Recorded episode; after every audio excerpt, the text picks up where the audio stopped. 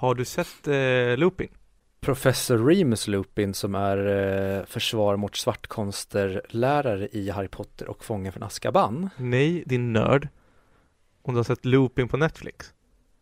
Med, eh, alltså Lupin Mm. med, alltså det franska programmet med han Omar eh, Dys. Omar Sy? Omar Sy. Mm, nej. Gör inte det heller. Varför?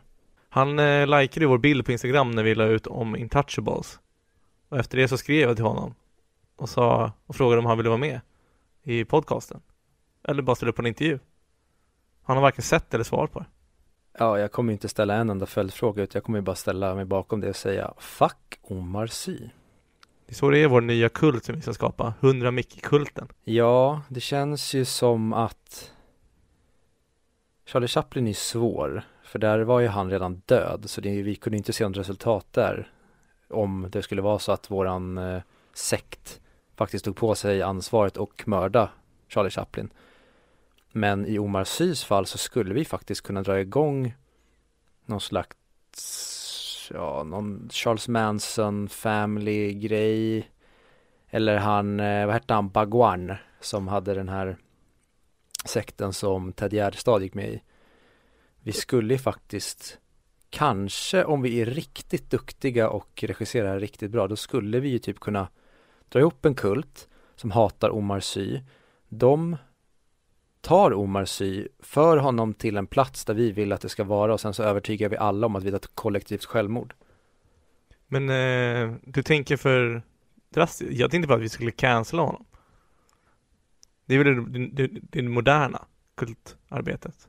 Alltså, det är svårt att cancella Chaplin, men Omar kan vi cancella. Där har jag också en ganska, okej, också är helt fel uttryck i och med att min förra plan, den var inte speciellt rak eller tydlig, den kändes väldigt komplicerad.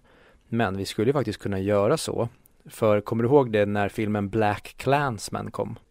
Eh, både ja och nej. Ja men du vet vilken film jag pratar om. Ja, ja men det vet jag.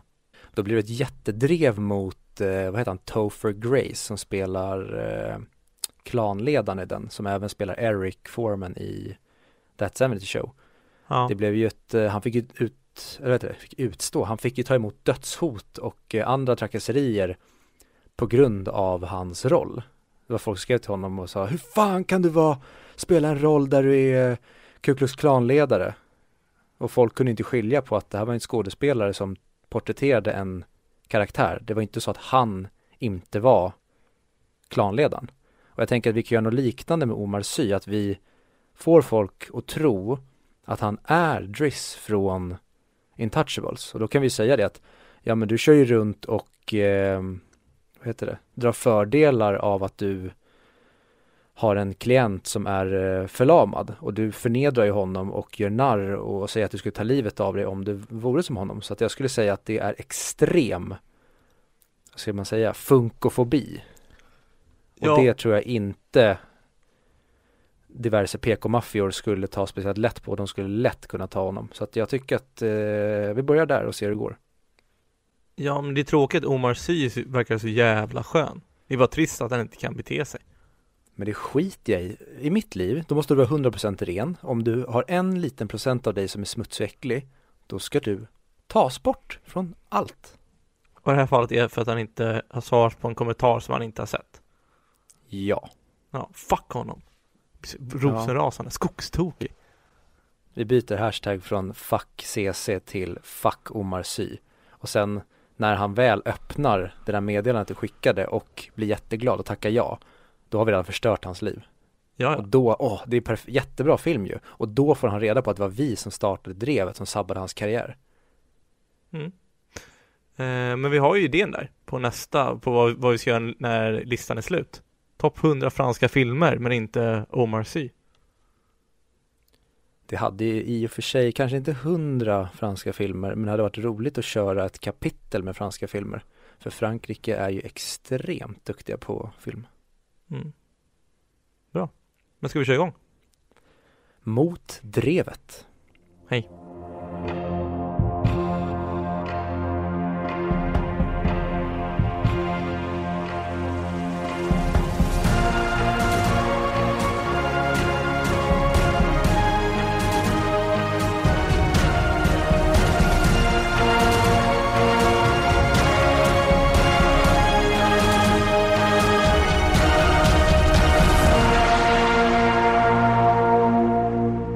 Hej och välkomna till 100 Mic Podcast, podcasten där vi pratar upp IMDBs topp 100-lista, men inte Charlie Chaplin. Verkligen. Verkligen inte Charlie Chaplin.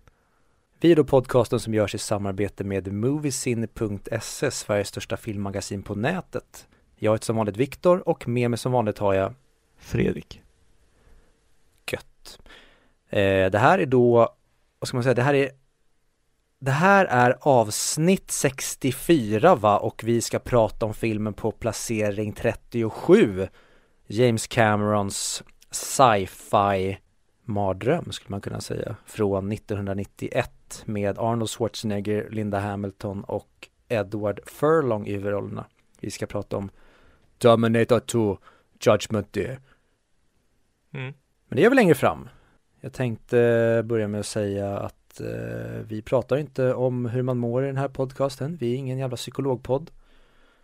Så att jag eh, undrar om du Fredrik skulle vara intresserad av att prata lite om ett ämne som både anknyter till det vi pratade om i Black Swan, nämligen Natalie Portman, men även det vi ska prata om i det här avsnittet, när vi ska prata om Edward Furlong. Vad är Och då det? pratar jag såklart om barnskådespelare. Ja men kör. Vem tänker du på när du hör, när, när du tänker på barnskådisar, vem ploppar upp i ditt huvud först? Ah, nu, nu, nu sa du ju Natalie Portman innan så det är svårt att inte tänka på hennes roll i Leon, The Professional. Men jag vet inte om du har sett den än, för vi ska prata om den om några avsnitt, så sluta upp med det där. Den har jag sett. Men det vet inte jag än. Nej, men det spelar ingen roll. Nej, det är klart jag inte gör det. Jag försöker bara skapa lite spänning här. jag fattar ingenting. Nej men Natalie Portman där. Man tänker ju på han som jag inte kommer vad han heter från Ensam Hemma. Macaulay Culkin. Ja. Det är verkligen de två jag tänker på mest. Fram- Framförallt Macaulay Culk, eller vad han heter. Eh, alltså för att han såg så neddrogad ut sen. Alltså, Mm. det, det finns så mycket memes när han var liten, sen när han är vuxen, sen ser det ut som att han tagit heroin i 15 år i rad. Det var ju typ det han gjorde också. Eh, så det är väl det. Var det. Jag, tän- jag tänker inte på att, det, att eh, han Edward Furlong är en barnskådespelare egentligen, i grunden. Nej. Han eh, hade en eh, kort, intensiv och eh, framgångsrik karriär måste man ändå säga. Ehm, men det jag tänkte prata om var just det att vissa barnskådisar de växer upp och sen så glömmer vi bort att de var barnskådisar. Likt kanske Natalie Portman för de som inte minns henne i typ Leon. Eller om vi tar då Nej, Macaulay Culkin är extremt dåligt exempel eftersom han bara var en barnskådis och idag så är han ju bara någon slags B-kändis. Han är ju känd för att ha en podcast idag. Mhm. Men om vi tar typ en skådespelare som eh, Hailey Joel Osment som spelar huvudrollen i Sjätte sinnet. Mm. Han klassades i alla fall då som en av tidernas största barnskådisar. Ja, Men har inte han varit med i hur mycket filmer som helst när han var barn? Jo, han var ju ja, både pojken i Sjätte sinnet som vi sa men även eh, AI, Steven Spielberg-filmen, har du sett den? Nej. Inte jag heller, eller jag kan ha sett den när jag var yngre men jag tror inte det. Eh, men han till exempel, han försvann ju helt, har du sett hur han ser ut idag? Senast jag såg honom var med i, eh, vad heter det, Entourage-filmen där han spelade Billy Bob Thorntons extremt jobbiga son. Men inte han med i typ The Boys eller någon sån där film? Tv-serien The Boys. Ja, jag får mig inte, har inte han någon sån här roll där han är typ någon sorts superhjälte? Hmm. Vad Inget heter, jag minns i alla fall. vad heter skådespelaren nu igen? Han heter Haley Joel Osment. Han är med i The Boys. Han är Mesmer. Mm. Det är väl han som kan läsa tankar genom att ta på någon. Hmm. Men är han med i säsong två? Eh, I säsong ett tror jag, han står vid, eh, du, vid typ så här uh, Comic Con, liknande. Och då står han så här skriver på för han har typ varit med och gjort äventyr när han var yngre. Så jag tror att, undrar om det är en ironi, ironi med flit att han är avdankad där också. Att han kände när han var yngre. 150 procent. Ja. Men andra barnskådisar, minns du Amanda Bynes eller vad hon hette? Burns, Burns, Bynes, Bynes, ja något sånt där.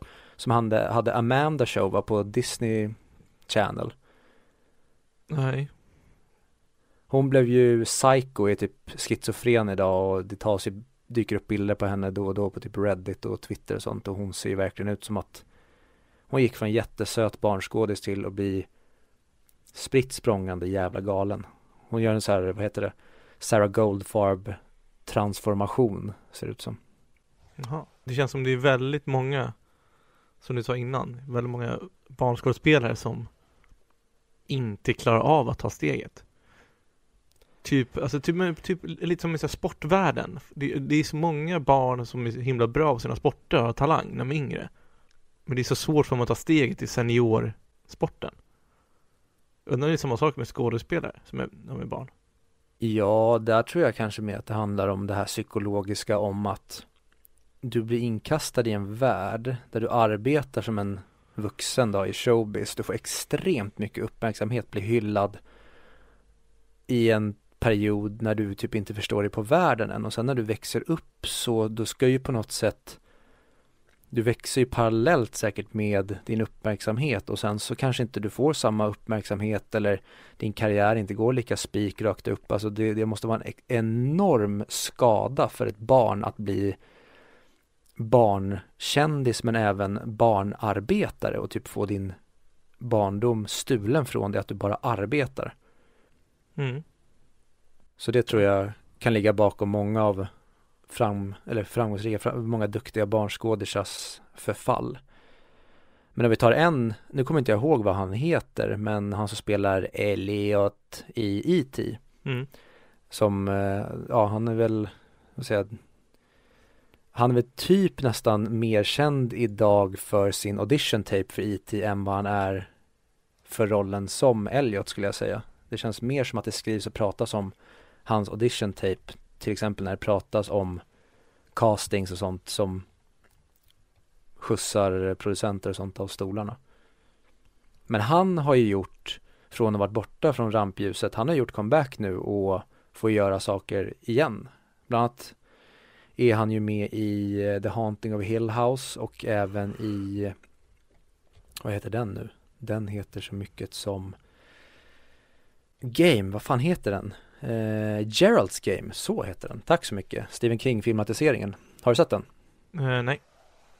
Väldigt, väldigt bra skräckis. Eh, och där spelar han en pappa som förgriper sig på någon. Jag tänker inte säga mer än så. Spoiler alert. Fel ordning. Ja, se Geralds Game. Jag sa en halv grej. Den har inte så jättemycket med storyn att göra. Den kan förklara lite psykologiskt, men nog om det. Eh, en annan som vi, vi har pratat om tidigare väl, det är väl Shia LaBeouf. Mm. Som eh, han till och med förra eller förra, förra året, jag tror 2018 eller 2019 gjorde han ju, han var med och spelade i sin egen pappa i filmen om hans uppväxt i filmen Honeyboy. Mm. Har du sett den? Nej, inte den, inte än. Den känns så himla djup och deppig så jag vet inte. Den är svår att sätta sig och kolla på ensam tänker jag. Mm, jag skulle säga att den är någon slags Den pendlar mellan väldigt deppig, sorglig och väldigt fin. För eh, pojken som spelar eh, Shia LaBeouf som barn är helt jävla otrolig i sin roll och Shia LaBeouf är jättebra i rollen som sin pappa. Och sen får man se då vad, vad Shia som barn mår bra av, vad han hittar sin glädje i när han då blir utsatt för den här fysiska och psykiska terrorn av sin pappa.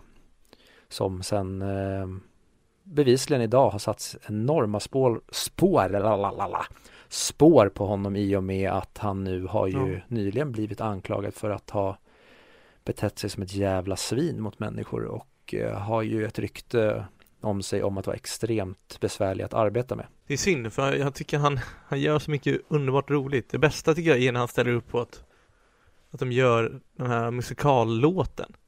Alltså som är Cannibal Shia LaBeouf. Den har visat för det väl? Nej, inget jag känner igen i alla fall. Eh, Jag ska länka till den nu eller? Yes please. You're walking in the woods. There's no one around, and your phone is dead. Out of the corner of your eye, you spot him. Shia LaBeouf. Running for your life from Shia LaBeouf. He's brandishing a knife. It's Shia LaBeouf. Lurking in the shadows. Hollywood superstar Shia LaBeouf.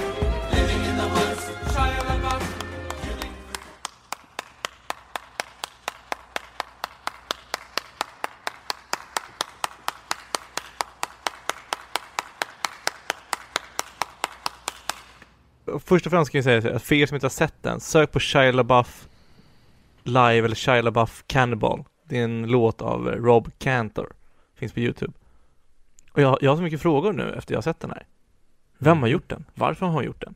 Hur mycket kostar den att göra? Till vilket syfte? Jag uppfattar den där som att det var den där och då vid 2014 när i alla fall det här klippet är släppt så var det ju väldigt, väldigt, väldigt populärt om att skådisar skulle vara med i metasituationer. Att de ställde upp på väldigt mycket för att ja men där var ju också i när man, när man skulle bygga sina varumärken ännu mer med sociala medier började breaka mer och mer.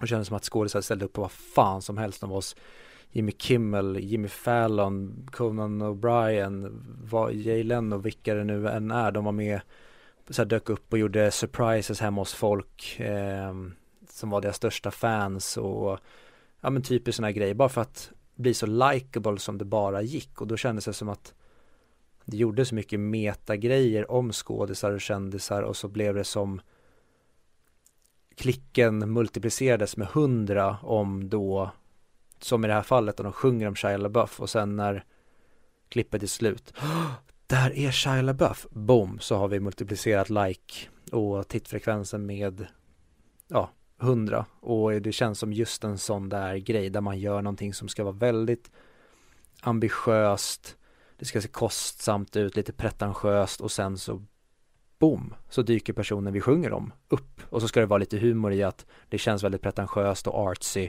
men att de sjunger om någonting väldigt flamsigt. Det är vad jag kände efter det där i alla fall. Har någon någonsin berättat för dig att du är världens partypooper? Eh, det har förekommit ja. ja men du bröt ner exakt vad klippet var. Du är som de här personerna som förklarar alla skämt.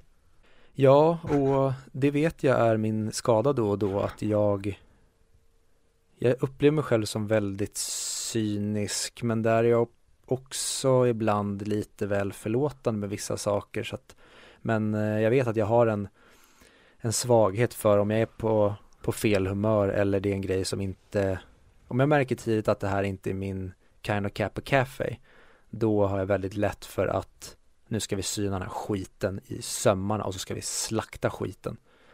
Och lite så kände jag nu. Och det kan vara mm. att jag tycker inte alls det var dåligt det de gjorde.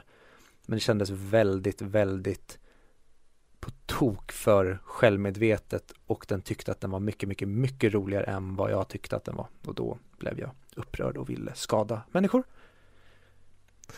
Ja. Typ så. Ja, jag förstår att du tycker så. Jag, jag håller inte med. Jag tycker att den inte tycker någonting. Jag tycker att de bara tyckte det här är en rolig grej att göra. Och sen så låter den så här. Om folk tycker om det, fine. Folk tycker inte om det, fine. Så låter det vara så. Mm. Uh, ja men, uh, vad ska jag säga? Ska jag sätta ett uh, betyg på det här så är det en 5 av 10. Det var okej, okay, det var lite lustigt men det var inte min kopp te. Nej, jag säger 8 av 10. Men du är ju en riktig betygshora. ja men vadå, tar vi YouTube-klipp, alltså det är inte många sådana roliga korta YouTube-klipp som kan matcha med, matcha med, med, med, som kan matcha sig med den här. Okej, ska vi köra imitationsleken? Ja, ah, här har vi en 9 betyg, ah, här har vi en 10 betyg, åh, oh, 9 av 9, ja, oh, 10 av 10, åh, oh, här! Det är så svårt att sätta den här på min topp 100-lista, för jag har typ sett tusen filmer på min topp 100-lista. och vart ska den här 10 poängen placeras in? och där lämnade Viktor rummet och återvände aldrig igen. Ja. blev extremt kränkt. Jag kommer bara sitta och vara jättearg och sur och skära av alla olika möjligheter till samtal nu resten av podden. Nej, men eh... Ja, nej men vi hamnade där någonstans. Jag ville prata om barnskådisar, sen hamnade vi i Kielaböf, men eh... ja, jag tycker kanske vi eh... ska kliva över direkt och prata om eh, Nämnde vi ens Edward Furlong? Kanske gjorde det lite snabbt bara. Eh... Men ska vi kliva över till filmen och börja kanske med att prata om John Connor? Absolut. Alltså, om du tycker att du har fått ut det du ville få ut av det här segmentet? Absolut då? inte. Ska vi köra fem minuter till då? Aldrig. Det här, kannibalism och Shia LaBeouf förstörde det här segmentet och nu lever vi med det resten av våra liv, okej? Okay? Det är en dröm i mina öron att höra. Det, det, det här är det största du åstadkommit i livet. Men alltså, först Rick-rollen och sen nu den här. It's highs and lows Mm. mannen. Ibland så gillar du det, ibland hatar du det. Jag hatar allt jämt. Men eh, nu ska vi prata om en film som jag eh, hatar väldigt, väldigt mycket. Nu ska vi prata om Terminator 2. Så just där. Judgment Day, glömde jag att säga.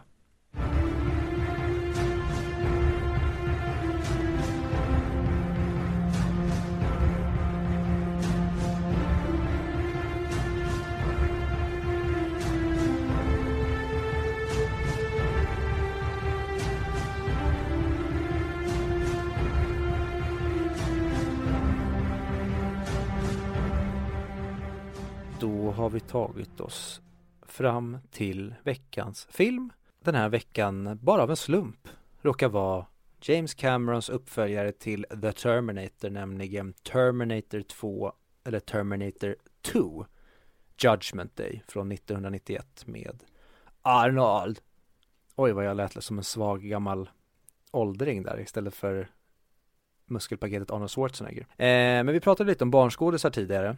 Vi pratade, vi kom aldrig in riktigt på Edward Furlong, eller hur? Vi nämnde honom, men vi kom inte in på honom. För det är jävligt intressant. Det står ju i den här filmen då, nu har man ju klassiskt att det står starring och vilka som är stars, men i den här så står det ju då introducing Edward Furlong. Så det här var Edward Furlongs första filmroll. Vilken jävla debut han står för, tycker jag. Jag håller med. Jag tänk- tänkte faktiskt upp att han var väldigt duktig i den här filmen tycker jag.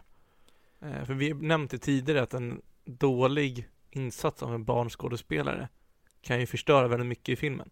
Det här eller I den här filmen så tänker jag att det är extra viktigt då han är med i stort sett i hela filmen. Ja, det är svårt att prata om Edward Furlong och hans John Connor utan att, att prata om filmen. Eh, och den är då regisserad och eh, skriven av James Cameron. Han startade ju sin karriär med att göra, han var ju en, ett oprövat kort när han gjorde då B-filmen The Terminator med Arnold Schwarzenegger och Linda Hamilton och Michael Beale vill jag att eh, Kyle Reese eh, skådespelare heter. Jag kan ha fel, men jag vill säga Michael Reese, nej Michael Bean. Eh, men eh, Terminator, eller The Terminator som den heter, blev ju en supersuccé. Ehm, och det var ju tack vare den som sen James Cameron landade jobbet för att få göra Aliens. Och eh, som man brukar säga, the rest is history. Och världen hade ju skrikit efter The Terminator att han skulle göra en uppföljare och att vi skulle få veta vad som hände efter att hon lyckades besegra T800 vill jag säga att modellen heter och eh, att eh, Kyle Reese dog.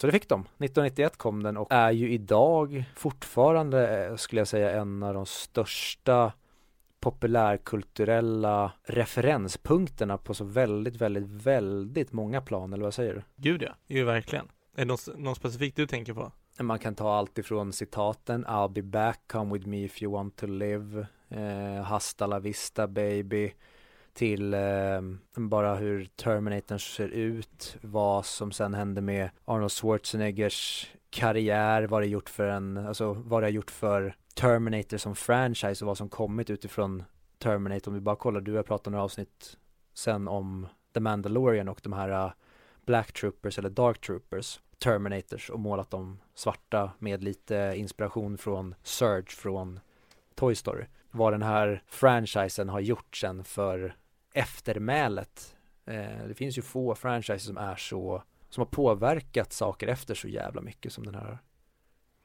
Ja, men verkligen. Alltså om man inte har sett Terminator så har man ju på något sätt konsumerat det som Terminator har skapat. Alltså antingen catchphrases eller stilen eller looken eller vad som helst. Musiken är också helt sinnessjukt bra. Men ja, ant- både, både du och jag hade ju sett Terminator innan.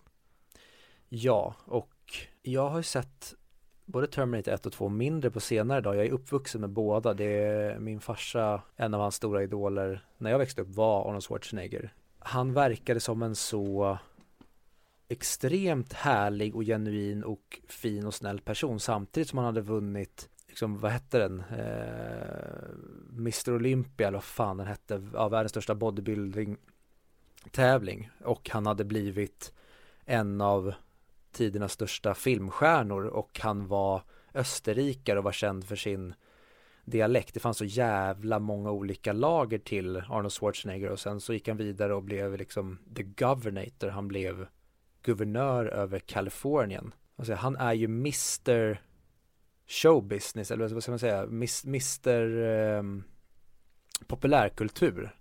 Alla har ju någon slags förhållande till Arnold Schwarzenegger. Men det jag skulle komma till var att jag är uppvuxen med de här filmerna eh, och har sett den här betydligt mycket mer än vad jag kollade på The Terminator men The Terminator började jag se mer när jag blev äldre. Det blev som att de varvade varandra. Jag tror att det är för att den här är för ett barn så är den här snyggare för i och med att den är nyare och den har betydligt mer pengar när de gör den här än vad de gjorde med den första och den första är ju mer en rysare, den, den är ju mer åt skräckfilmshållet än vad den här, det här blir ju mer en eh, action blockbuster, precis det som James Cameron gjorde med Aliens, där den första var mer en rysare och sen så kom James Cameron in och ja, visar hur man gör actionfilm helt enkelt. Men äh, jag har en extrem kärlek till Terminator 1 och 2 som för mig är de enda Terminator-filmerna som räknas, precis som jag tycker att de enda Star Wars-filmerna som räknas är Episod 4, 5, 6 allt annat är bara fanfiction så tycker jag att Och 1, 2, 3 Det får stå för dig.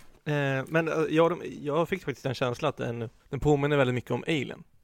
Ja det finns ju förklaring, samma samma stuk, samma regissör. Jag gillar ju också, nu var det jättelänge sedan jag såg både Terminator och Terminator 2 inför jag tittade på den nu. Men eh, jag gillar ju, tror jag, mer Arnold när han är god än när han är ond.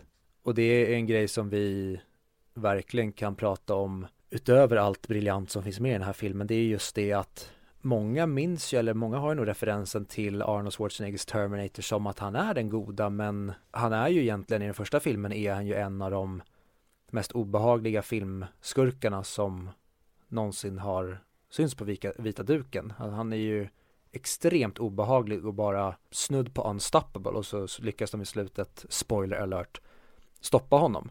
Så att där var han ju förknippad med att han var den här skurken.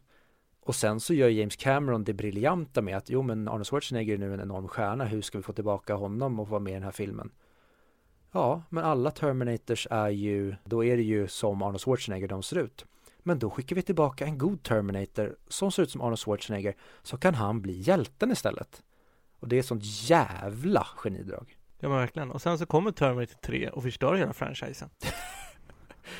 Men är det, jag ser inte det som, och framförallt inte nu när det har gjort så jävla många bajsmackor på bajsmackor efter eh, trean. Men jag tycker inte att Terminator 3 har med de andra att göra.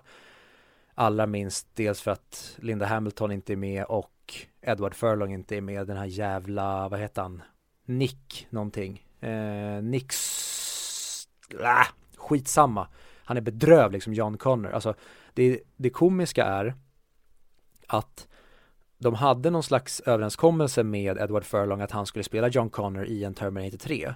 Eh, men att i och med att han fick drog och eh, alkoholproblem eh, så rev de hans deal så att han skulle egentligen spela John Connor i Terminator 3 men så castade de den här jävla amatören som jag nu har glömt bort namnet på och det roliga med John Connor i Terminator 3 det är att han spelar ju typ Edward Furlong han spelar ju en John Connor som har blivit en loser och en missbrukare.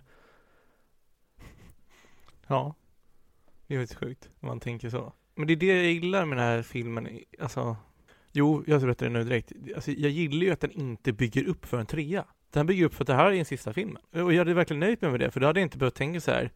Oh, för då, det är ju fortfarande inte så här, men stoppar man verkligen hjärnspänteri Day eller inte? Hur var det? Kommer det hända ändå? Ja, men skitsamma, det behöver inte, det behöver inte svara på. Istället för den här saken att den går inte att stoppa, den kommer lyckas oavsett. Nej men jag håller med till 100% och det är det Bland mycket, mycket, mycket, mycket, mycket annat jag tycker den här filmen gör så jäkla bra det här med att Vi stoppar inte Judgment Day Men vi skjuter upp det i alla fall Och sen så lämnar vi det där Det finns, det blir ingen domedag Men det blir heller inte ett lyckligt slut utan det handlar om den här perioden där de lyckas med den här grejen Och sen så lämnas vi ändå i någon slags vemod att Kanske kommer Skynet att skapas på något sätt ändå och världen går under.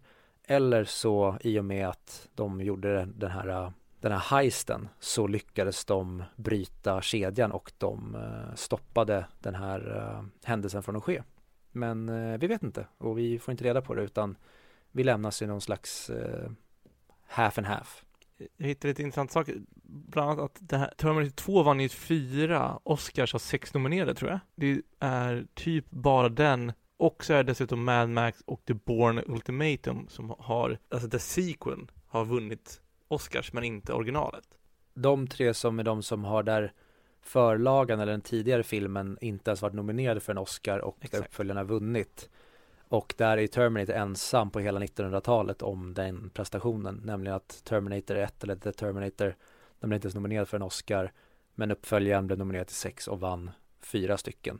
Och där vann ju bland annat eh, Stan Winston, geniet som man nästan, jag vet inte hur mycket av credden man ska ge till honom för Terminators framgång, men han är ju geniet bakom alltså tekniken och animationerna och CGI, vad säger specialeffekterna i filmer som eh, ja, men Aliens, Jurassic Park, The Thing, Terminator för att nämna några. Alltså han står ju för de här extremt revolutionerande specialeffekterna. Ja men han, vad ska man säga, han är specialeffekternas pappa. Alltså i alla fall de moderna bra. Liksom, vad, vad förknippar man inte med honom om man sätter upp hans största skapelser jag bara kommer att tänka på just nu så har vi liksom The Terminator, vi har monstret från The Thing, eh, vi har dinosaurierna från Jurassic Park och Ja, för det, är- är en bra jävla början på filmen. Jag älskar någon, Mhm. alltså det här är klassiskt Sagan om ringen början också. Hur första filmen börjar och bara, ah, nu jävlar, nu krämer vi på. Nu, nu ska de fastna direkt, boom. Så här ser det ut, nu får ni se en strid i framtiden. Det älskar jag. För det, det kan inte varit billigt. Nej, och det som också är så jävla briljant med den här filmen det är hur mycket miniatyrer de använder sig av. Till exempel om du tar scenerna när atombomben exploderar där i Sarahs dröm. När allting bara bränns upp och du ser bussar och det och byggnader manglas. Det är ju bara miniatyrer av riktiga platser som de gjort extremt detaljerat och jobbat extremt hårt på. Och samma sak om du tar ta makeupen på Arnold, hur han blev, eller hur, hur Terminatorn blir genom filmen när han blir mer och mer sliten, hur extremt snyggt de arbetar med smink där. De gjorde ju även som vaxdockor så skulle vara som kopior av Arnold, till exempel när eh, Terminatorn går genom eh, Cyberdyne-byggnaden där och poliserna bara pepprar på honom. Det är egentligen Mm. bara en docka de har gjort eh, som åker på som någon slags arm som de skjuter riktiga skott på för att de ska, de vill få allting så realistiskt som möjligt istället för att de gör CGI-skott eller gör specialeffekterna på det. När de gör de en riktig fysisk docka som ser ut som Arnold som de skjuter på på riktigt. Det är sjukt. Ja, och det är också varför jag tror varför den här filmen är en så himla stor framgång. Det är för att här är vi inte i en tid än där du kan börja göra som eh, George Lucas gör i Star Wars prequel-filmerna. Du kan inte börja förlita dig helt och hållet på digitala effekter. Den sämsta delen i hela filmen tycker jag är animationen på T-1000. Även fast han är en skitcool skurk så tycker jag tyvärr att de effekterna åldras helt bedrövligt. Och det är ju de effekterna där de tydligast jobbar med dataanimeringar istället för praktiska effekter och smink och så vidare. Jag gillar inte honom. Eller jag älskar när han inte håller på med sin hokus pokus superkrafter. Jag tycker det är ascoolt att han, han tränade jättemycket innan. Vad heter han som spelar honom nu igen? Han heter Robert Patrick. Alltså han tränade jättemycket för att kunna springa och, och bara andas genom näsan. Så att det inte ska se ut som att T1000 andas överhuvudtaget utan att han bara är en maskin. Exakt, det ska inte se jobbigt ut när han springer. Mm. Det är ascoolt tycker jag. För det ja, så han gör ju verkligen sin roll, tycker jag, otroligt bra. Men jag tycker att de överanvänder det, att han blir liksom som en dagmask som bara åker sig in genom små hål och sen blir han golvet. Jag gillar inte det, för det är, det är lite för mycket hokus pokus för mig. Ja, de, de håller sig inte riktigt till en linjär ska man säga, funktion där, att han ska vara liquid metal, men hur kan han då bli ett golv som uppenbart inte är metall? Och sen säger han att han kan kopiera living tissue va, och ett golv är väl inte living tissue? Nej, det konstiga är, han kan inte kopiera en bomb, för i bomb finns det rör, alltså det är kemi, det är rörliga grejer. Mhm. Men hur fan kan han kopiera en människa? Eller kopiera bara huden? Men huden, ja, alltså det är så här. Jag hade kunnat köpt att han kan kopiera saker genom någon kraft, men jag vill säga om man ska vara liquid metal så kan han ha någon svaghet. Han kan vara ett chipkort som han måste flytta runt så han inte ska bli träffad. För nu har han ju ingen svaghet egentligen. Ja, fast då kan du också säga, jag, jag, jag väljer, eller det tänkte jag på den här gången när jag såg den nu hur, och det är för att jag sett The Thing nyligen. Ehm, och där jag tycker, det är också Stan Winston som jag sa som som gör effekterna i The Thing. Men jag tycker att T1000 har mycket likheter med monstret i The Thing som också den kopierar, tar över kroppar och, och kopierar och härmar och blir den. Eh, jag tycker ju mer att T1000, han känns ju mer som en alien än en robot. Och det är så jag tycker att då funkar han som bäst i den här filmen. Att nu är det en maskin i form av T800 Eh, som möter då den här mer alien-aktiga, vad ska man säga, idén. Eh, mer än att, det här är en idé som James Cameron menar att han har en helt färdig, liksom, vad ska man säga, vetenskaplig backning på hur det här skulle gå till i praktiken. Och det säger James Cameron tror jag någon gång i, när de pratar om den här filmen är att i och med att man tar sci-fi-delen ett snäpp upp, framförallt med T1000 och hur han funkar och hur han förhåller sig till världen. Då måste du göra världen ännu verkligare för att vi ska köpa det. Du hade inte kunnat vrida upp det. Det är det ett jättestort problem med de efterföljande Terminator-filmerna. Det är att de, de förstår inte att, och det är precis samma sak med Sagan om ringen när du har ingenting av det här känns ju make sense eller känns trovärdigt när du pratar om att ah, de skickar tillbaka robotar i tiden, det ena han kan bli liquid metal och bla bla bla, du ska ändra framtiden.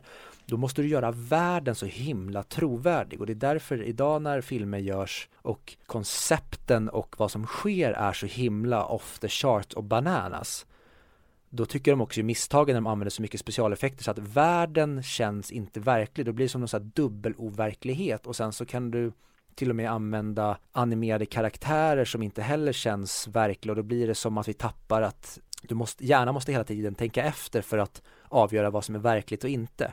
I, I den här filmen så är allting så himla verkligt och down to earth och allting går att ta på utom T1000 och då funkar det så jävla bra tycker jag. Mm, jag gillar inte det.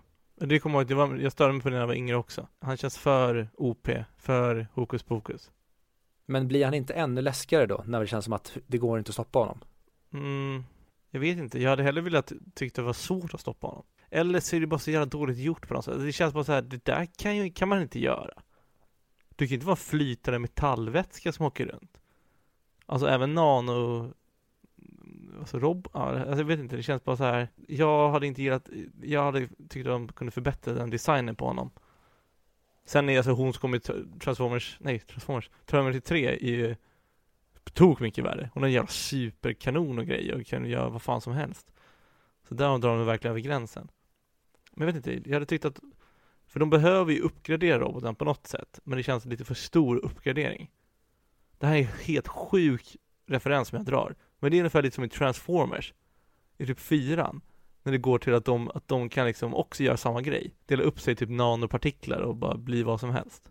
Mm. Jag tycker ju bara att det är design eller effekterna som inte har åldrats bra. Men i övrigt tycker jag ju jättemycket om T1000 som, som skurk. Just därför att han, han kan inte flyga och bli en, ett flygplan. Utan han kan egentligen, vad säger man, han manipulerar sin omgivning på ett sätt som jag tycker blir creepy och nästan lite så här body horror när han, när han blir andra personer men det är fortfarande inte så som de pratar om att han kan bli en, en bomb eller en pistol eller så utan han, han blir knivar istället. Och det tycker jag är det är en begränsning som jag gillar. Och det här när han springer han, han, han kan, metallen kan inte röra sig snabbare än sådär jag, jag, jag, jag tycker han funkar helt sjukt bra.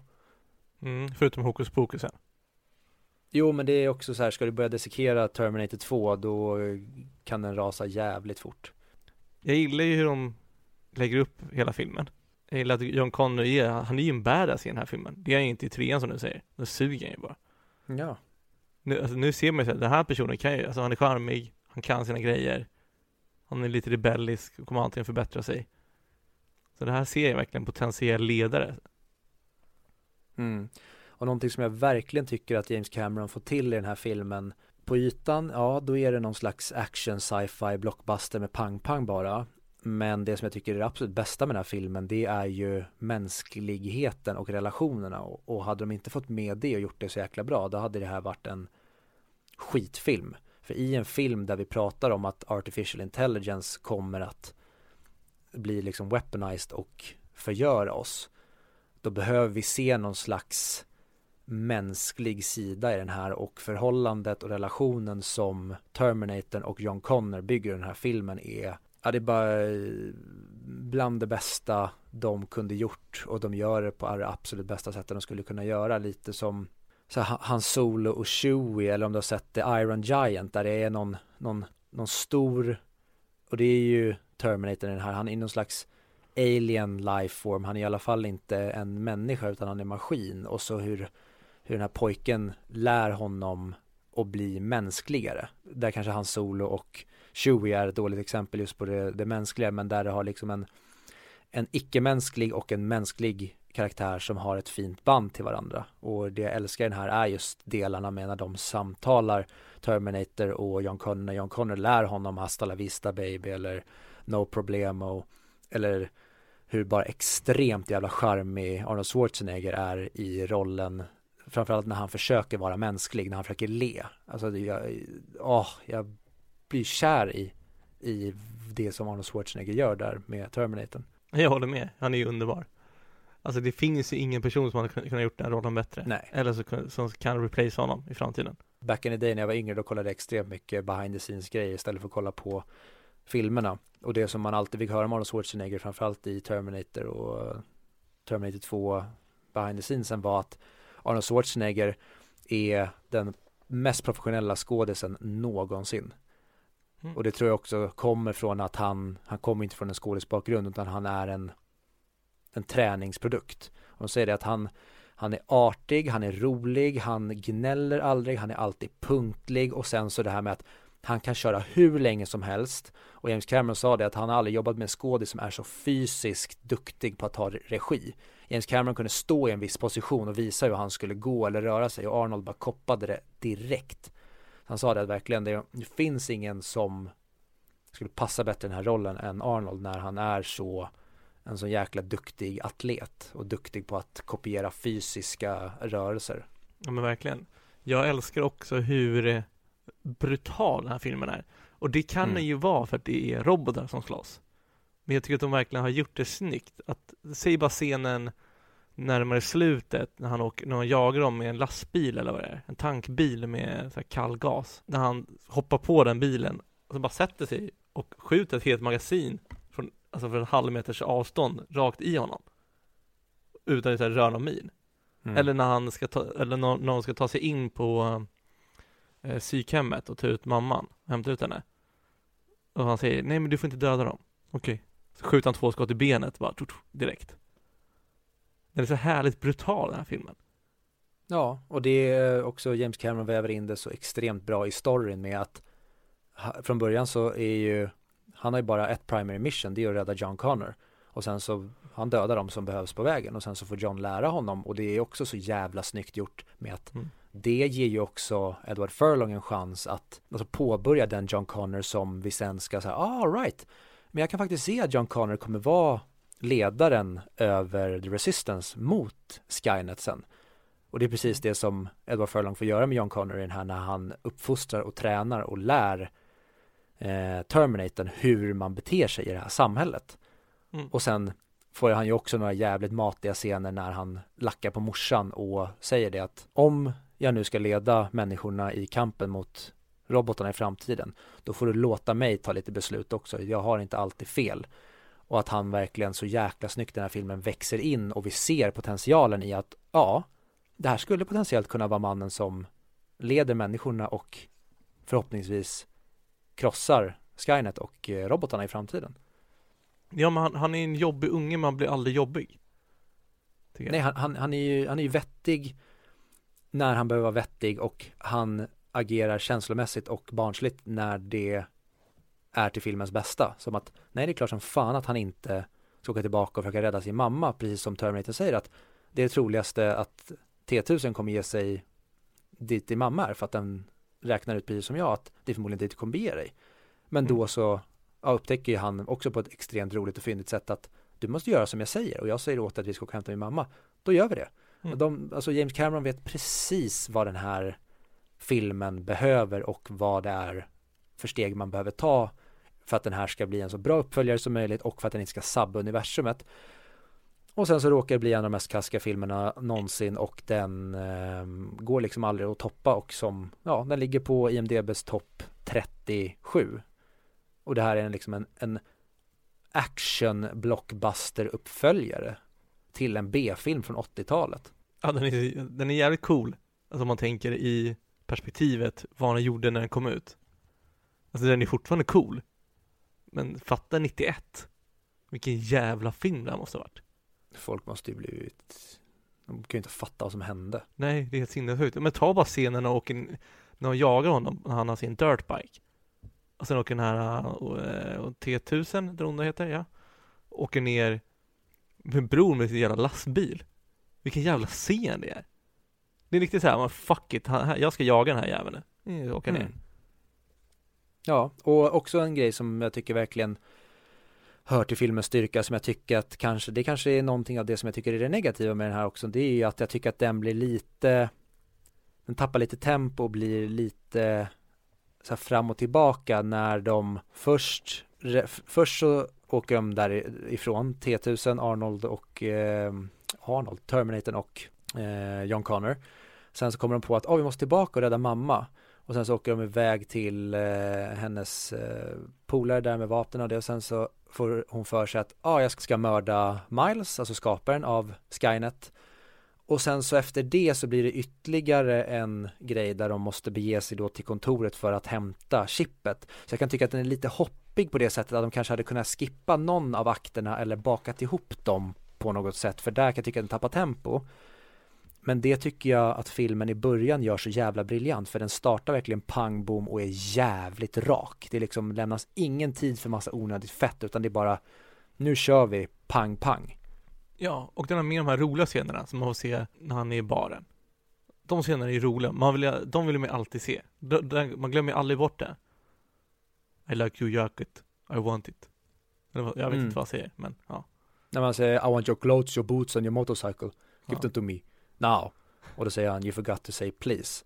Och så är det samma, alltså den humorn blir ju aldrig tråkig tycker jag när det kommer till Terminator, det här med stora biffar, hårda snubbar som tänker att ja men den här snubben han är bara knäpp, han, han kan jag ge mig på. Och sen mm. så får de möta på liksom stenhård metallrobot. Det är skitroligt sen också när när Terminatorn tar i John och han skriker ah hjälp, hjälp och så kommer de här två stora gymsnubbarna och sen så mm. bara krossar han dem och så blir det jätteroligt hur där också finns en liten glimt av att potentiellt att en sån här typ av makt skulle kunna stiga John åt huvudet när han märker att han har sin egen Terminator. Mm.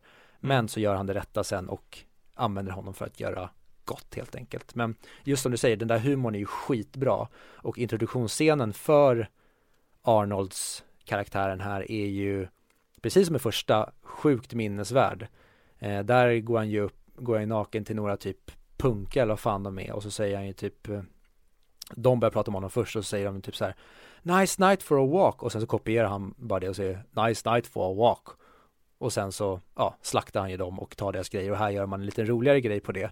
Men en grej som också jag tycker James Cameron gör så fruktansvärt bra i den här det är ju att när du ser den här filmen första gången innan den är ett fenomen som alla känner till då tror ju vi att Arnolds karaktär är ond hela vägen fram tills han säger eh, typ move inne där i korridorerna i gallerian när han ser åt John att ducka.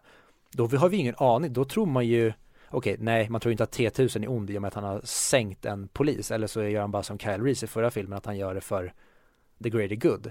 Men där vet man ju inte egentligen vad någon av dem vill honom. Man tror ju i och med att den relationen man har till Arnolds Terminator det är ju att den försökte slakta henne i första filmen så tror man ju att ja, men det är förmodligen det han kommer göra den här också. Och sen så blir det wow, han var the good guy. Nice! Och så blir man lurad på det sättet och sen så får ju Sarah uppleva det sen när hon då tar sig ut eller på väg att ta sig ut från psykhemmet och så blir det den här hårresande scenen när hon ska ta sig in i hissen och utifrån hissen kommer den här varelsen som har gjort att hon har blivit helt jävla fucked mentalt och sitter på psykhem jag, jag, kan inte föreställa mig vad det måste göra för hennes hjärna där. Ja, det är en sjuk PTSD hon har där i alla fall. Men det är ju en otrolig scen. Alltså det är så bra presentationsscen, eller vad man ska kalla det, hur de två möts igen. Mm. Sen, jag tycker ju, trots att jag avskyr designen på T1000, så gör de ju väldigt snygga saker med den designen dels att pistolen fastnar när han går igenom gallret, men också typ såhär någon slåss typ och han kastar in den i väggen och sen så behöver han inte vända sig om utan han vänder sig om genom att åka igenom sig själv. Mm. Eller typ när han så här fångar honom, han slår en ansikte, fångar med ansiktet, sen så ja, byts om. Så de gör ju väldigt många sådana väldigt snygga saker. Men jag, mm, jag hade velat få in någonting mer om att hur det där fungerar eller hur han är designad. Jag säger som de säger i Tenet. Don't try to understand it, just feel it. Och det går ju inte på med den jävla karaktären. Det är jävla vätska. Precis, du får bara acceptera det som en lifeform som är från framtiden. Och där kan det vara så här. Mm. Men också så här, det finns hur många grejer jag vill prata om som helst. Eh, men till exempel en grej som man inte tänker på, tror jag, det är ju att i den här filmen så blir ju Sarah en Terminator. Hon gör ju exakt det som de andra robotarna gjort, men hon gör det mot, i den riktningen hon tror var rätt. Istället för att det skickas tillbaka en Terminator från framtiden för att döda John Connor eller döda Sarah Connor så att John Connor inte föds, så gör ju hon sin grej i den här att hon åker ju till Miles och ska döda honom för att stoppa Skynet. Hon är ju Mm. bara, hon är ju precis samma skrot och korn, bara att hon är, ja men hon gör det för det som hon anser vara rätt för sin eh, ras överlevnad helt enkelt. Och det är en grej som jag tycker, tidigare tyckt att det kanske är lite mycket fett när hon ska göra det, men det, den här gången var första gången som jag verkligen förstod att wow, hon gör ju exakt samma sak. Hon ger sig ut och tar liksom ödet i sina egna händer, precis det som Kyle säger i ettan och som hon återupprepar i den här att vad de säger, eh, there's no fate except the ones we make, ja något sånt där, eh, jag kommer inte ihåg exakta citatet, men just att man måste ta tag i det egna händer. Och det tycker jag också de spinner vidare så jävla bra på, för att det är också en grej som jag tycker de gör väldigt bra i den här och det tycker jag till och med att de kunde haft ännu mer tid med och gjort ännu mer drama kring det här med att var Sarah befinner sig i den här filmen vad de här senaste tio åren eller vad det är som har passerat sedan förra filmen. Vad är det som vad har hänt med hennes psyke? För det, säga vad man vill om henne, hon, hon förlorade ju. Alltså hon är ju wacko, hon är ju en knäppjök. Oavsett att säga om, om det hon säger är sant eller inte. Hon har ju tappat bort sig själv och hon är ju inte längre en potentiella hjältinnan utan här visar vi verkligen att hon kunde inte vara det som krävdes utan det kommer John behöva bli. Hon är nerbruten och trasig på grund av vad som hände henne i förra filmen och det har gjort henne till en en galen fundamentalist som går runt som den här tokiga fågeltanten på Sergels torg och bara skriker om att domedagen är nära, de kommer för att ta oss. Alltså hon, är- hon är ju bara en, eh, en, en tokstolle och hör ju faktiskt hemma på det där psykhemmet i, alltså, även fast hon hela tiden tjatar om vad som kommer ske och att det faktiskt stämmer. Allt det här tragglandet och hennes, ska man säga, psykos eller vad man nu ska kalla det. Nu är det en verklig psykos men det hon har liksom intalat sig själv, det har ju brutit ner henne och gjort henne, förlorat möjligheten att bli den här stora militärledaren som ska guida eh, John. Ja men alltså, hon, lider, hon lider ju av väl- väldigt kraftig form av PTSD. För hon, hon är ju fortfarande klar i huvudet. Men hon får, hon, hon, får, hon får ju sina anfall. Skulle jag säga. Så jag tycker inte att hon hör hemma där. Jag tycker att hon har förlorat på visst sätt. Absolut. Hon är inte wack och hon är inte, tycker jag, helt här borta från verkligheten. Det är bara att hon får som sagt sina PTSD-anfall. Och inte riktigt, riktigt vet vad hon ska göra med dem. Och då till slut tror jag att ett sätt att bli av med dem, det är då hon tar beslutet att åka hem till Miles. Och tänka att jag måste göra det här. Det är enda sättet. Mm, hon tar saken i egna händer helt enkelt. Vilket är så här. Det är också lite kul att de Det känns som den här situationen kallnade väldigt snabbt. För de sprutar ner deras hem med kulor. Det är så här, ja men ska vi inte åka och förstöra det här? Världen kommer gå under. Men det är där hon också på något sätt inser vad hon, vad fan hon håller på med. Att hon är ju precis som den ondskan hon vill förgöra. Och sen så skulle man kanske kunna lägga mer tid och fundera på att är det, är det värt att knäcka några ägg eh, för att göra en eh, omelett eller ska man försöka göra det på, på rätt sätt? Eh, det hade man kunnat diskutera mer men hon inser ju där också när hon väl börjar prata med Miles att han är med på det här. Han, han tror ju faktiskt på dem. Men det tycker jag också rättfärdigar att hennes beteende för att hon har ju försökt få nu i många, många års tid försökt få andra människor att lyssna och tro på henne. Så jag kan ju fortfarande inte blamea henne för att hon går in med inställningen på att han kommer aldrig att tro mig. Det är bättre att bara döda honom. Ehm, men det är ju det jag också tycker att den här filmen gör så himla bra. Att det finns inget svart eller vitt. Det är lite mer grått allting och det är då jag tycker saker funkar som absolut bäst. Exakt. Det, det, det har vi pratat om innan vi pratade om olika eh, anime-filmer. från eh, Studio Ghibli också. Hur, där de verkligen är experter på att göra allting grått. Det finns ingen god, det finns ingen definitiv ond. Också en grej som jag verk, verkligen gillar med den här, det är ju alltså att hur tydlig den här är en westernfilm. Alltså Arnolds karaktär är ju verkligen att han kommer in i filmen som den här uh, mannen utan namn. Han gör det han ska, räddar de här människorna och sen så drar han vidare. Han rider in i stan, städar upp stan, drar vidare. En grej som verkligen adderar till det jag älskar med den här filmen. Bryta med så handlar det väl om att hitta honom, hämta, hämta ut mamman, åka till han, Miles, förstöra Miles forskning, slut. Mm. Jag undrar vad, vad man hade för plan hur de skulle förinta T1000 från början. För planen känns som hela tiden var att fly från honom. De hade ja. ingen plan, alltså det handlade ju bara om att överleva för de visste inte hur de skulle stoppa den här varelsen. För han har inga svagheter. Bra karaktär. Jag gillar verkligen när de tror att de stoppar honom när han då fryser och så gorgeous jävla shot är när han börjar frysa och ändå rör sig så att hans kroppsdelar knäcks av. Mm. Och så tror man att han är besegrad. Men det de egentligen har gjort är egentligen bara att skada honom och det tycker jag också de gör skitsnyggt sen med hur han ja, färgas, han fastnar i sin omgivning, han håller i räcket så får han samma färg som räcket eller sen när Sarah eller det är John va som ser vilken som är den riktiga Sarah det är för att den ena skor har fastnat och så här, vad heter det, mältat ihop med gallret de står på. Var det? För jag kommer ihåg att Sarah dyker upp bakom. Ja, och sen så när, för att typ kunna skilja på vem som är vem, det kanske inte är den scenen, men det är den Men det kanske är efter då? Uh. I den vevan i alla fall så, så ser John vem som är rätt genom att den ena Sarahs eh, dojer är liksom, de, de mergas med gallret som hon står mm. på. Ja, kanske. Mm. Och då ser han vilken som är rätt och vilken som är fel. Jag tror att det är det när hon dyker upp bakom där med shotgunnen och så för att John ska kunna avgöra om hon menar eller inte så ser han det. Ja men det är mycket möjligt, det missade jag. Fan det är lite synd tycker jag. Att de, de, de har aldrig riktigt en plan på hur, hur de ska stoppa det här T1000.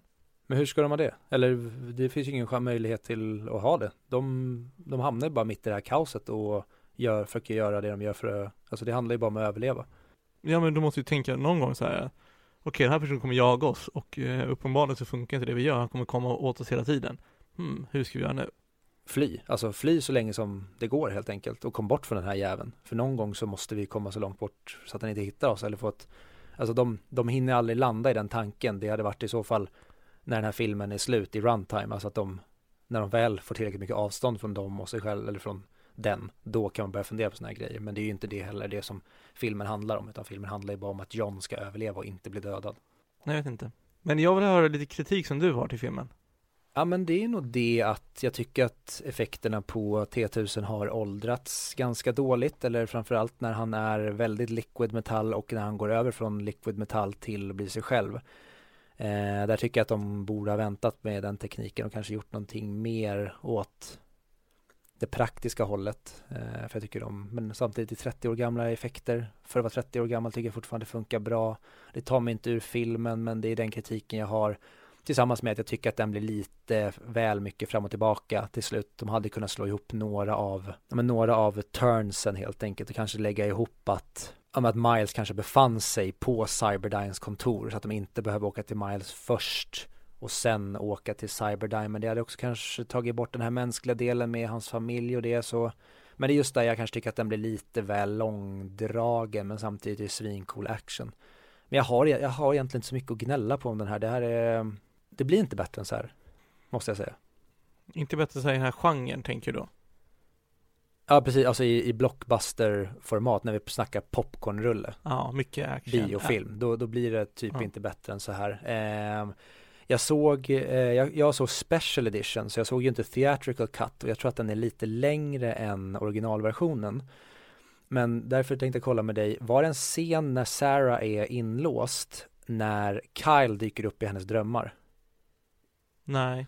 Nej, för den tycker jag var extremt, den var nästan, alltså till filmens nackdel, men den, det var verkligen en scen som jag tänkte att den här har jag aldrig sett tidigare tror jag, så jag tror att den måste bara vara med i special edition, inte i originalkatten. Sen när Dr. Silberman och de kommer till henne första gången och hon ska ta sina tabletter, i den versionen du såg, slår de ner henne på golvet och typ förnedrar henne och trycker in tabletterna i munnen på henne. Jag tror inte det. Nej, för det vill jag också minnas är en eh, extended cut-scen. Men de grejerna tyckte jag att det var bra att de skar bort dem från den originalversionen jag är uppvuxen med, för det var bara scener som jag tyckte var helt jävla onödiga. Ja, det var bara scenen när den här creepy vårdaren slickar på hennes kind. Ja, och den när de behandlar henne som de gör i de här bortklippta scenerna, det ger lite mer förklaring till varför de är så creepy. Men Ja. eh, ja, de scenerna tyckte jag var helt överflödiga.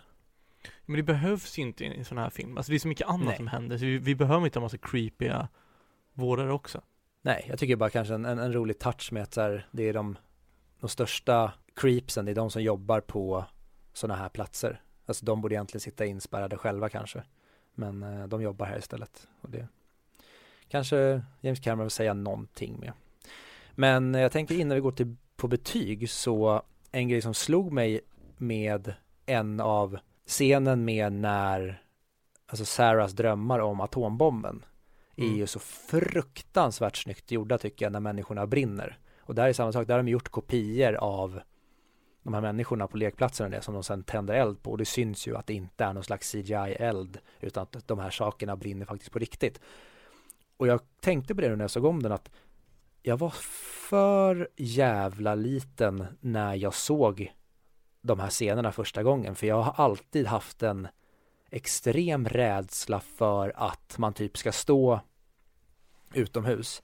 Sen ser man bara hur någonting faller typ jättelångt bort i horisonten och sen så bara brinner man upp av atombombstrycket eller elden eller någonting. Och jag tänkte nu när jag såg den att ah, det är härifrån mina de här halvfeberdrömmarna kommer ifrån med att jag har en extrem rädsla för att bli sprängd av en atombomb. Och det är exakt de här scenerna när hon står vid gallret där och brinner som all right, här har vi roten till min, min rädsla. Jag förstår det, det är hemska, det är hemska bilder. Ja, och jag tror jag såg båda de här, kan inte varit äldre än sex år. Oj, och du och Alex kollar väl på ganska många barnförbjudna filmer? Ja, det var en grej som jag är extremt tacksam för idag men som säkert har gjort en del avtryck. Det var ju att eh, min farsa han begränsade inte sin, sin filmsamling till någonting utan det var tvärtom. Åh, har ni sett Raiders of the Lost Ark? Åh, har ni sett Empire Strikes Back? Åh, har ni sett eh, Total Recall när Arnold Schwarzeneggers ansikte eh, typ eh, fräts sönder på Mars? Nej, men den ska vi nog titta på. Eh, vad är det som händer? Aj, aj pappa, jag kan inte sova. Vad då då? Jag tittar på den där filmen. Ja, lite så blev det. Men eh, det har gjort att jag är väldigt härdad, måste jag säga också. Jag hade inte heller några problem med några sådana filmer när jag var yngre. Förutom en film. Mars Attack. Den, alltså jag var fan livrädd för, efter den. Men eh, tänker du på scenen då typ när all hud och det rinner av? Nej, för mig var det bara att det skulle komma ut om jorden, invadera jorden, jag har ingenstans att ta vägen. Men vi måste ju prata om eh, Sarah Connor i relation med eh, Ripley från Aliens och Alien. Mm. Otrolig jävla, så nu, där snackar vi återigen, otrolig kvinnokaraktär. Mm. Och det känns verkligen, alltså, om man får till den, från scenen när hon kollar på sig själv, någon, när, jag antar att hon precis, eller när John Connor är väldigt liten och ung, precis innan atombombsattacken. Där det verkligen man ser hur, vad, hur han gått från en så här duktig hemmafru, eller vad man ska symbolisera där, till en riktig jävla bärartjej som bryter sig ur själv från fängelset och slår ner folk och gör allt möjligt för att eh, rädda sin son och sin Mm. sons framtid. Ja men en förstörd, trasig person. För i Mm. första filmen då är hon egentligen bara en, ja men en 80-talets fjortis. Hon jobbar som eh, servitris, eh, det, det är killar och liksom hennes tjejpolare som hon bor med som gäller. Hon är liksom en ung, ung, ung oskuldsfull eh, brud. Och sen så kommer den här skiten och fördärvar henne och sen så, jag kan inte föreställa mig hur det måste varit att sätta sig och se den här filmen 1991 och sen så förväntar man sig Sarah Connor från Terminator 1 och sen så får man den här jävla action muskelpakets liksom hjältinnan. Mäktigt då. Så jävla fett. Vad vill du ge för betyg till den här uh, filmen då, Viktor? Hmm. Jag tror nog att den landar på en sån här 10 av 10. Det är, det är goa gubbar, det är pang-pang, det är alltså stora muskler, det är med brudar, det är jättebra. 10 av 10. Jag ska börja recensera alla filmer så istället. Ja, nej tack. Ja, nej men jag, alltså, som jag sa, det här är en av de bästa liksom, popcornrullarna som har gjorts. Det är en av de bästa uppföljarna som har gjorts. Och sjukt nog så, Jag såg om ettan hyfsat nyligen, det är säkert, jag kommer, om jag skulle kolla på min letterbox så skulle det säkert vara ett och ett halvt år sedan. Men jag föredrar ju ettan framför den här. Jag gillar den mer. Jag gillar mer den här rysargrejen och det här, den här starten och jag älskar framförallt Kyle Reese karaktär. Men jag tycker Mm. även den är 10 av 10 så att båda de här som en lore tillsammans är för mig så nära perfektion det kan komma när vi pratar tidsresande och framtidsångest och rädslan för AI, för den har vi inte ens pratat om den här rädslan för AI när vi pratar om idag, modern tid, om klimathotet eller atombomber eller vilka hot vi nu pratar om mot mänskligheten och planeten så det pratas alldeles för lite om AI som hot. Om du tar en person som eh, Nick Boström eller Nick Bostrom som han heter som är en av världens mest främsta när det kommer till AI-forskning. Alltså han åker ju runt och försöker prata med governments, alltså ledande människor inom olika länder och försöker förklara för dem att ni borde vara extremt jävla oroliga för vad AI potentiellt kan bli om vi inte passar oss. Alltså just det som de pratar om i Terminator. Och det tycker jag är så jävla fett i den här filmen att de tar upp just den grejen, det här med att vad vi skapar någonting som vi tror kommer vara där för att serva oss och hjälpa oss att förenkla saker. Men vad händer om det blir självmedvetet eller vad händer om det på något sätt bestämmer sig för att det inte längre behöver oss eller att människan är en skada för planeten.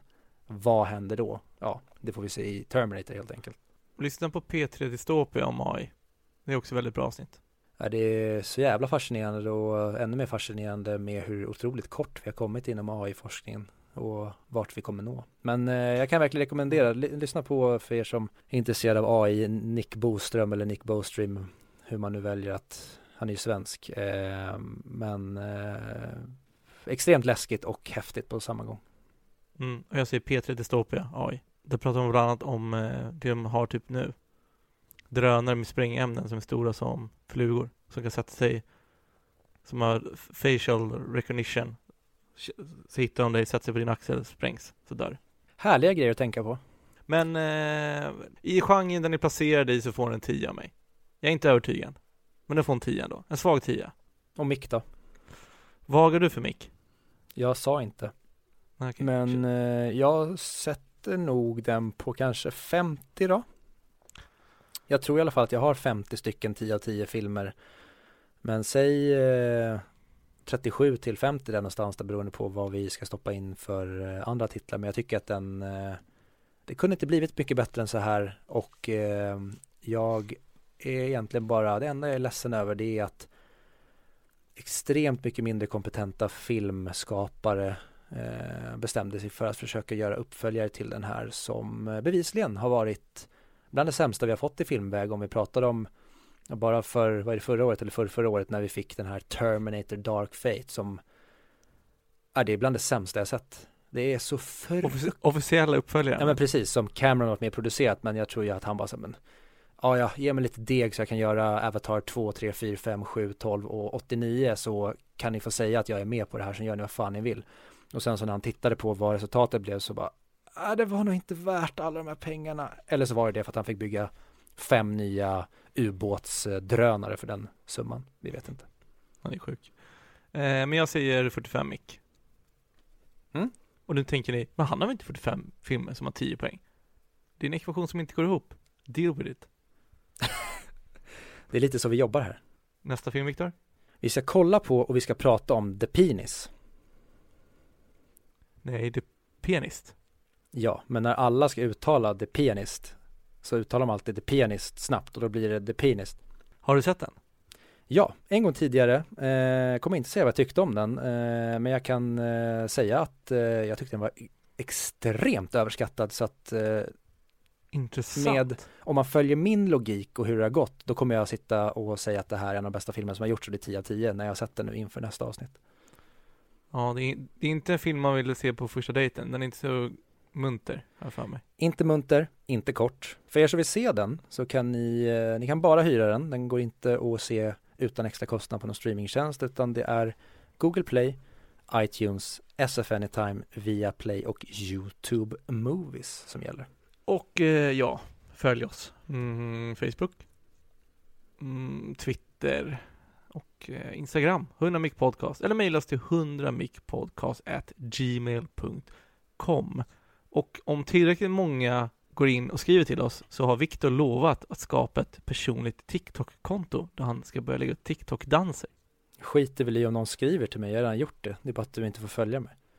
Ja, det är både diskriminerande och rasistiskt. All right. Eh, har du någon sista ord du vill säga till våra lyssnare? Ja, alltså för er som inte, för er som är filmintresserade och vill ha filmtips och följa andra inom film så, jag vet jag pratade om det tidigare men det var nog länge sedan, Letterboxd är en grym app och hemsida där man eh, reggar och loggar eh, sina filmer som man ser så kan man även följa andra personer och se vad de kollar på. Coolt. Jag får väl göra Yes. det nå- någon dag. Det tycker jag definitivt ska göra. Det är, det är väldigt nice framförallt om man känner vad ska jag kolla på? Det är oftast att är det många andra filmnördar så släpps det en ny film så ser man att det är många som har sett samma film på kort tid och då blir det så här, åh, den kanske man ska se. Och så är det bara roligt att se när man går in och kollar på, ja men som nu när jag såg Terminator, då går jag in och kollar på vad alla andra som jag följer, vad de har gett för betyg till Terminator och så ser man där och vissa skriver ju recensioner och sånt och det är mitt favorit sociala media måste jag ändå säga. Förstår ni? Yes, men eh, vi hörs nästa vecka där vi ska prata om The Penis. Hej då. Hej hej.